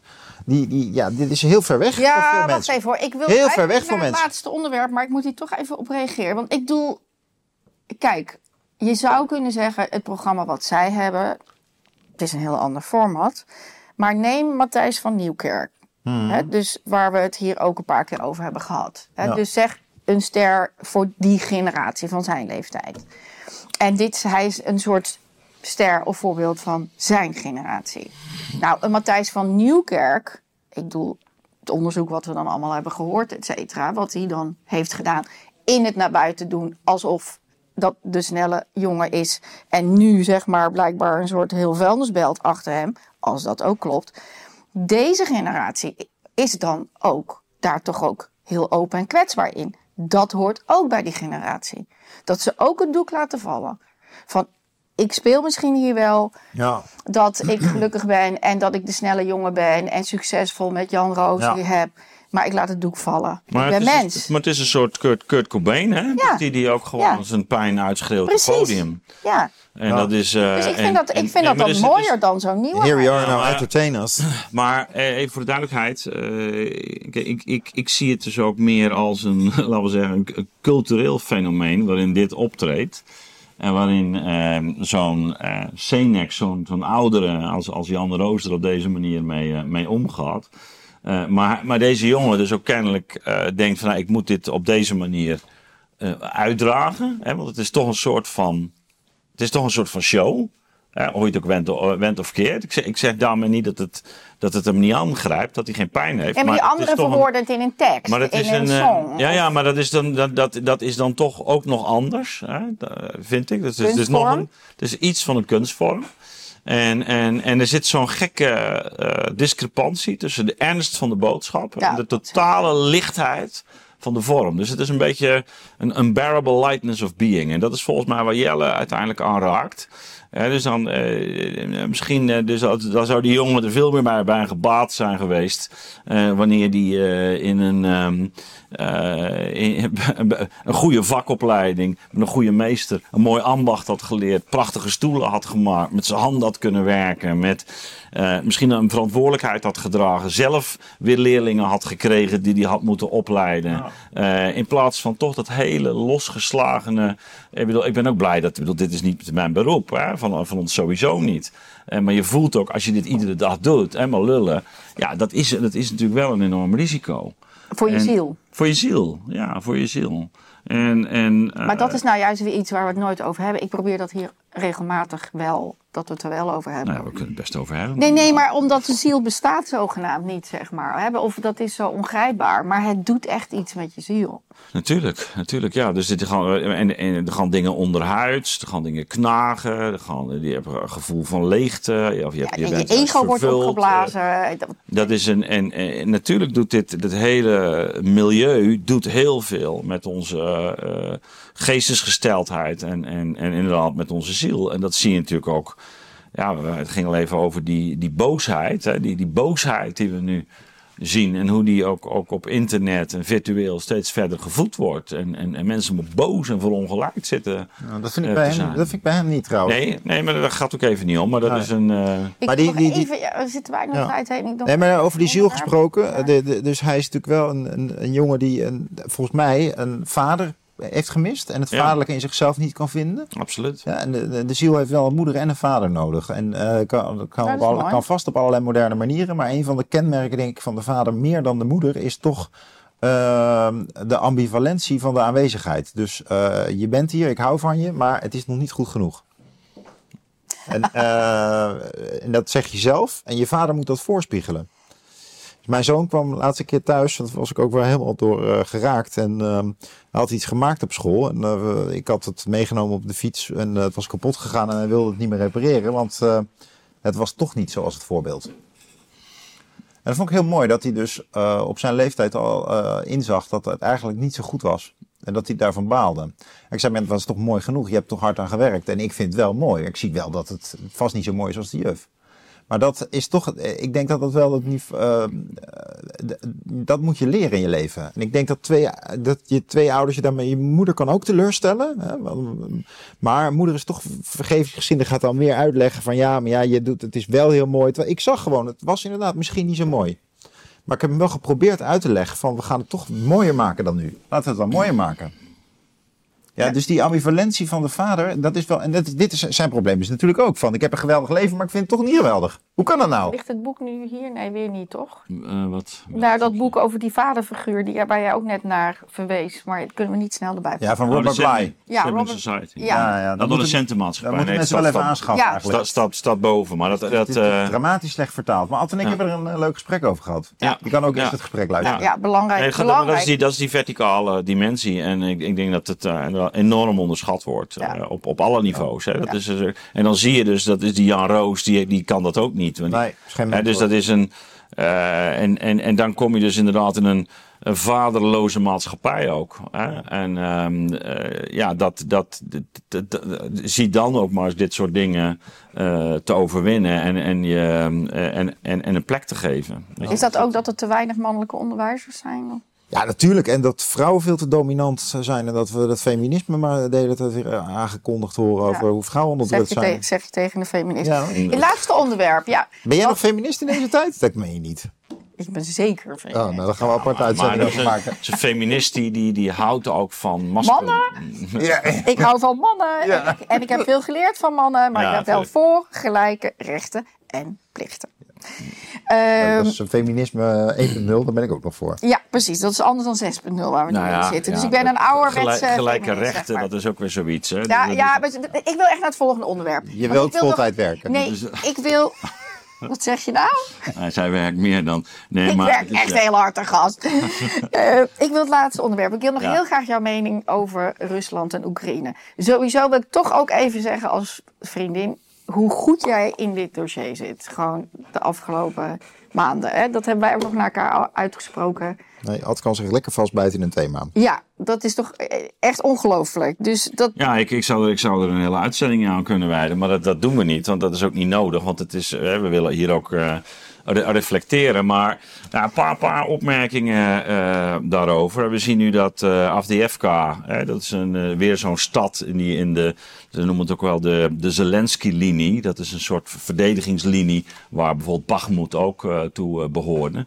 Eh, dat die, ehm, ja, dat die nu toch eh, op het punt staat eh, te worden ingenomen door, door de Russen. Is eigenlijk half omsingeld. Dus we spreken ook wel over een, een cauldron. Een, een, ja, eigenlijk een, een, ja, een kookpot. Hè, die, die echt wordt bestookt van verschillende kanten. Ja, maar het is ook wel echt, als, als dat valt, dan is het gewoon toch klaar. nou, nee, nee zo, het is nooit zomaar in één keer klaar natuurlijk. Maar het is wel weer een belangrijke schakel, omdat er natuurlijk allerlei transportlijnen via eh AFDF kan lopen. En eh, nou ja, eh, het lijkt ook dat, dat dat intern tot steeds meer eh, spanningen leidt. Hè. Dus, dus eh, wat je ziet is, eh, ik heb de vorige keer ook al op gewezen dat... ehm, eh, eh, we- zien hoe Vict- Victoria Newland eh, eh, is afgereisd een paar weken geleden.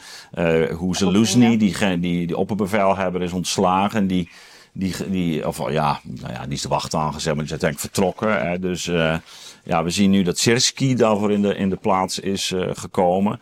Maar dat er toch ook afgelopen eh, eh, week ook wel weer een heel intensief overleg is geweest. Dus de, de, de- Zelensky, hè, de president of de, de regering, en dus kortom politiek en de militairen. Het lijkt alsof men toch niet echt op één, eh, één lijn zit. Eh, ja, er doen de wildste toch ook verhalen de ronde. Waarschijnlijk door een deel, voor een deel door de Russen in de wereld geholpen. Maar voor een deel eh, denk ik ook dat, er, dat, dat de chaos gewoon toeneemt. Dus eh, eh, het is niet verstandig dat ze zo lang aan Avdiivka hebben vastgehouden. De, kans is groot dat daar eh, ja, heel wat krijgsgevangenen zullen worden gemaakt. Ondertussen zijn er enorme tekorten eh, in het eh, Oekraïnse leger. Dus eh, ja, men heeft gewoon echt heel nodig een nieuwe mobilisatiegolf nodig. Eh, daar, daar zijn ook weer eh, de nodige twisten over, over en weer. Eh, dus die Zelensky had het over een half miljoen. Zelensky die beseft dat hij dat er niet bij de bevolking door kan krijgen.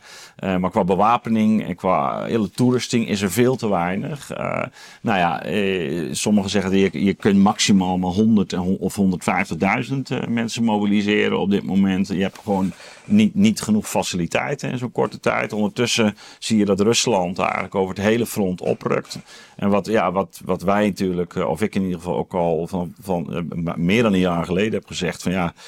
Weet je, je, je, het hele idee dat je Rusland gaat verslaan, hè, eh, wat wij in het Westen toch heel sterk gepropageerd hebben. En ook, zoals toch steeds duidelijker blijkt, ook Oekraïne op dat spoor hebben gebracht. Ja, dat is vermoedelijk een waanidee.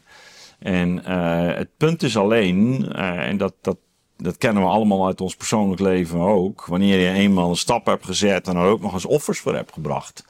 eh, ja, dan wordt het steeds zwaarder om, om, om terug te treden. En te zeggen, nou ja, nee, toch maar niet. Want ja, waar zijn al die mensen dan voor gestorven? Ja, dat is Waar heel complex.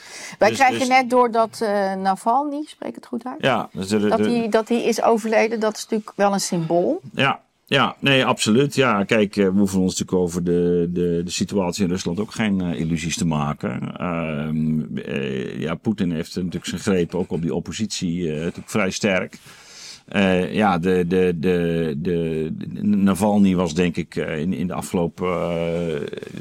hoe lang zal die al bezig zijn? Ja, jaren. Ja, jaren, misschien twintig jaar of zo. Ja, maar in ieder geval toch, toch echt een, eh, een eh, echt een serieuze tegenstander. Nooit, nooit iemand die, die echt een bedreiging vormde. Maar, die, ja, hij, is Wel- vroeg- maar wel hij is vroegtijdig eh, natuurlijk op een zijspoor gezet. Hè. ja maar wij zelf weer teruggegaan. ja, ja, ja, ja, zelf teruggegaan. Ja, en nu, nu, nu gestorven in de gevangenis.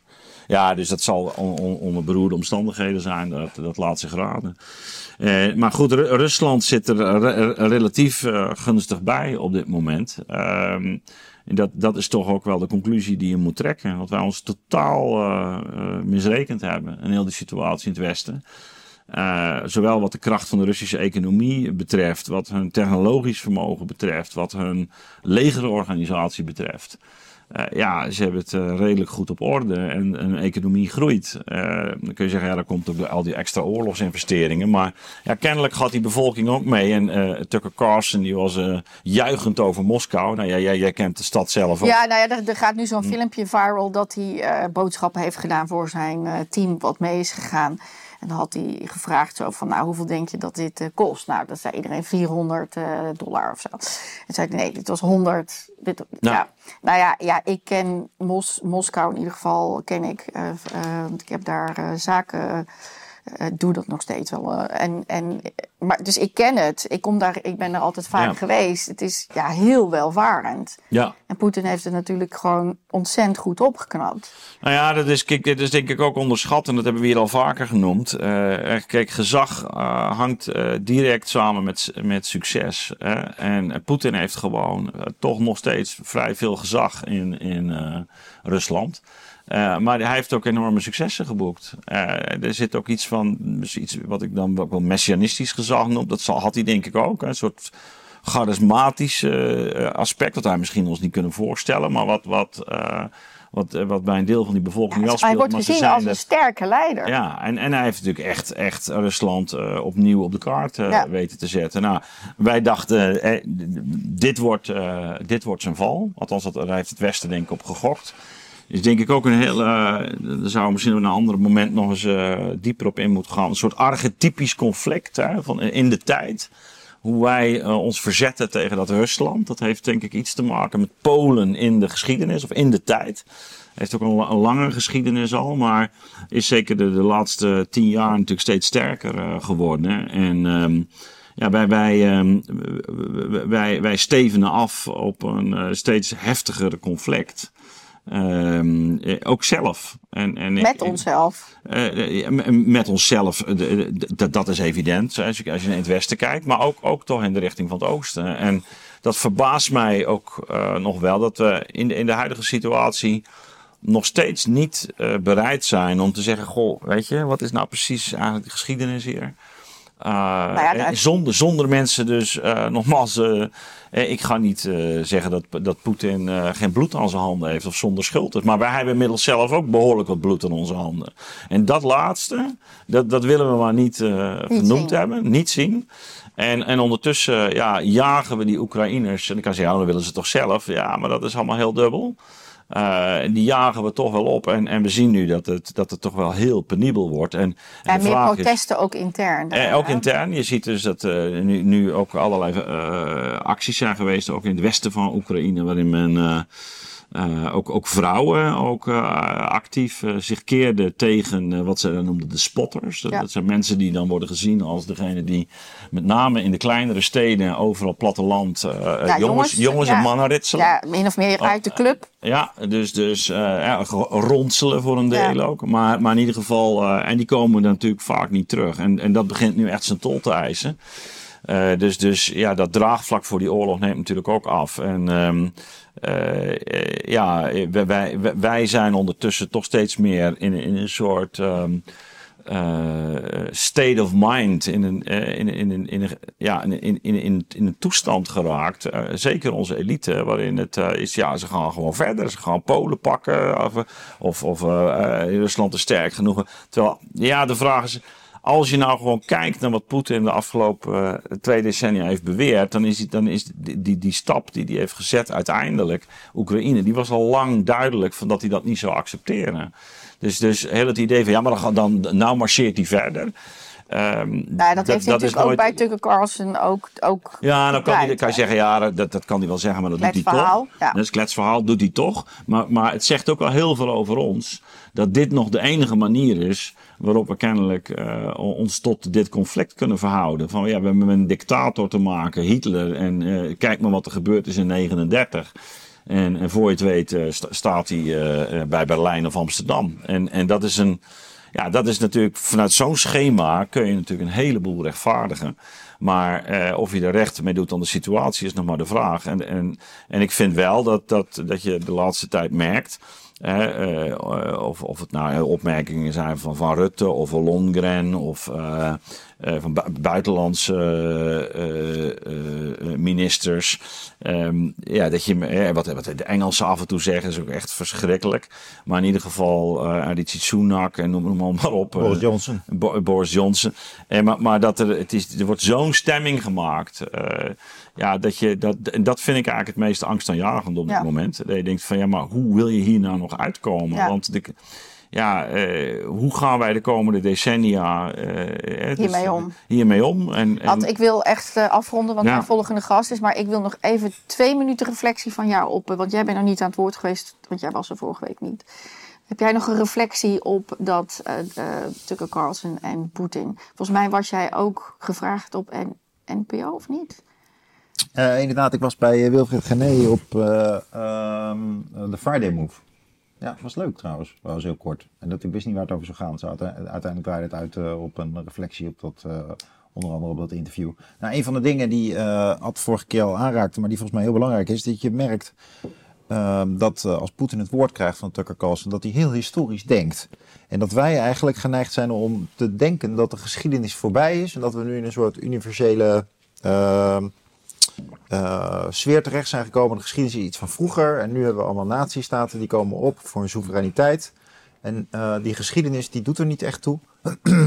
en, met andere woorden, dat is maar een soort rare legitimatie van een oorlog in Oekraïne. Terwijl wij zien het eigenlijk beter. En dan, dat is denk ik het uitgangspunt van hoe we dan naar zo'n Poetin gaan kijken. En zo'n Poetin die denkt dan heel historisch. En dan zo historisch dat hij hier zelfs teruggaat tot in de middeleeuwen. Hij had nog verder terug kunnen gaan en kunnen uitleggen dat Oekraïne en uh, Rusland natuurlijk ook echt op een bepaalde manier een gedeelde oorsprong hebben. Met, in Kiev en zo. Dus, dus, dus, dat nog... deed hij ook hoor. Naar Kiev Roes ging die. Dat, dat ja. noemde hij, ja. Nou ja, dat, dat, had hij nog meer kunnen benadrukken. Want hij benadrukte nu best wel ook dat het een, een ander gebied is. En een broedervolk en, enzovoort. Maar dus ik vond die Maar zij zien dat ook met Europa. Hè? Als ik daar ben, ja. wie ik ook spreek, dan, dan hebben ze het gewoon... Allemaal kennen ze die geschiedenis. En ook hoe Europa... En zij zien het Europa en Rusland dat, dat vinden zij, wij zijn broeders. En dan denk ik, hè, ik ben op school toch iets anders geleerd. Maar zij zien het echt, wij zijn één. Ja. Nou ja, en ik vind het al gewoon om te beginnen al, eh, vond ik het wel heel fascinerend om te zien dat hij dat echt zo, dat hij echt zo denkt, nog historisch. Wat wij hier natuurlijk ook wel eens proberen te doen. Er valt ook van alles op, uh, op, op af te dingen. Uh, hoe die bijvoorbeeld naar die soevereiniteit uh, kijkt. Hè. Dat was dan de vraag die jij, waar je van zei in antwoord op Rogier. Van ja, wat, wat had Tucker Carlson voor kritische vraag kunnen stellen? Van nou, hoe kijk je dan naar die staatssoevereiniteit? Uh, maar ik denk ergens dat, um, uh, dus in die zin, die kritische vraag heeft hij ook niet gesteld. Maar het was wel een inkijkje in hoe hij uh, de geschiedenis in het imperium van Rusland ziet. En um, um, het is wel echt een andere logica dan hoe wij kijken naar de, de, de, autonomie die landen over hun eigen territorium hebben.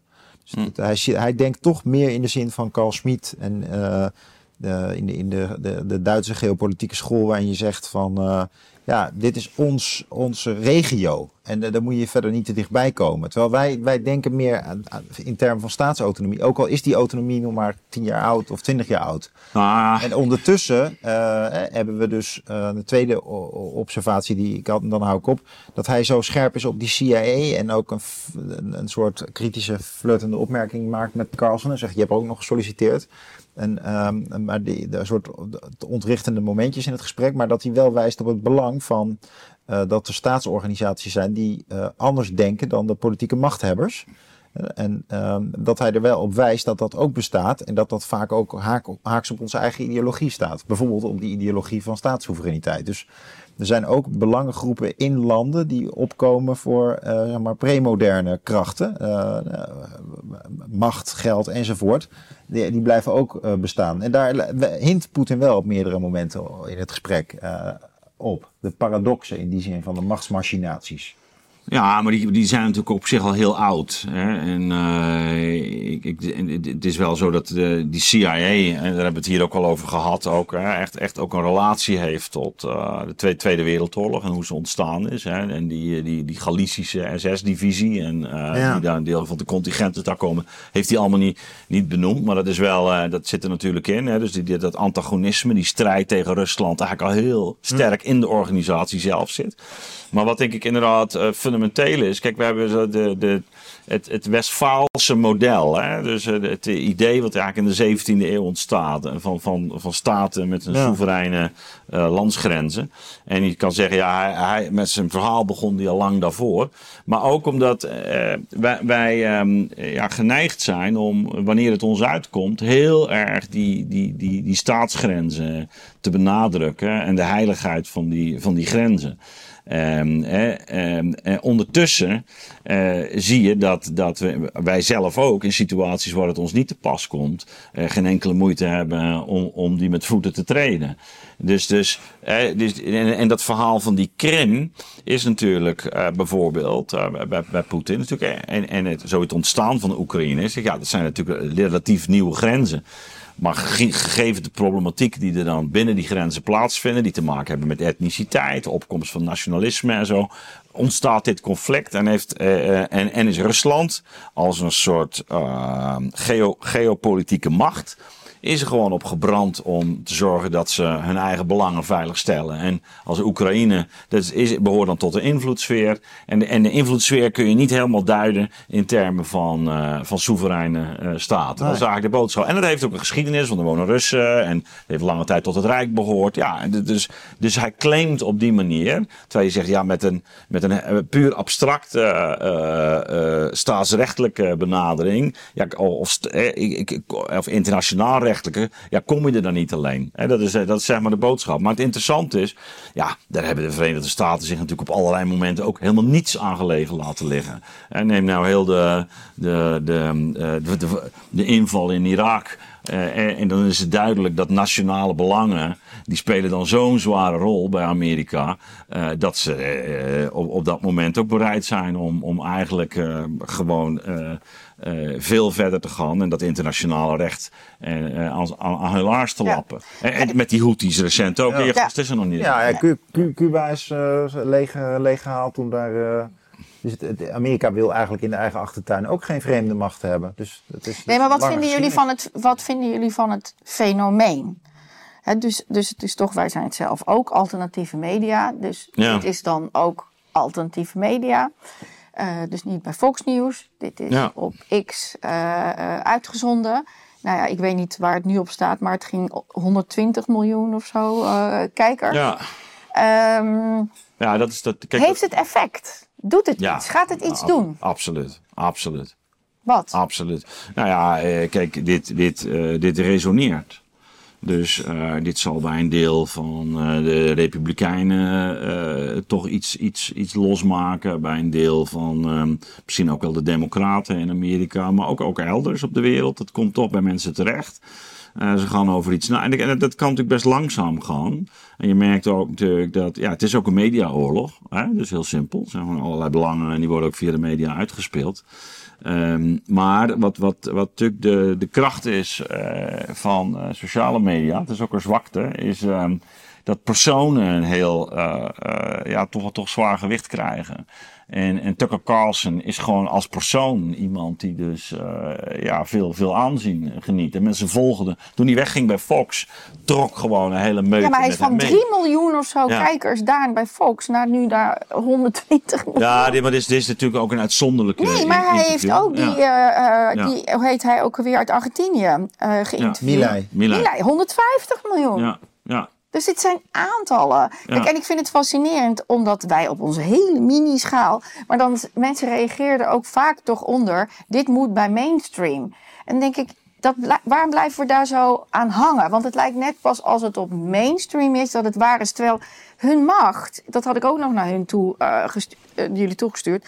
Hoe dat min 40, min 30, min echt. Die kijkcijfers die Ja, ja, ja. denderen in Nee, maar elkaar. daar, je, je moet dus hun niet macht mainstream. Je moet is zo, mainstream. is zo aan het krimpen. Maar toch hebben mensen een soort honger naar het moet op die buis. Dus Ja, op- nee, maar Amerika loopt ook echt vooruit, hè? eh, zoals zo vaak, maar bij dit soort nieuwe ontwikkelingen. Eh, maar je ziet het natuurlijk ondertussen bij ons ook eh, wel, wel degelijk. Ik bedoel, wij zitten toch ook inmiddels over de 100.000 abonnees. Je hebt ook eh, uitzendingen die...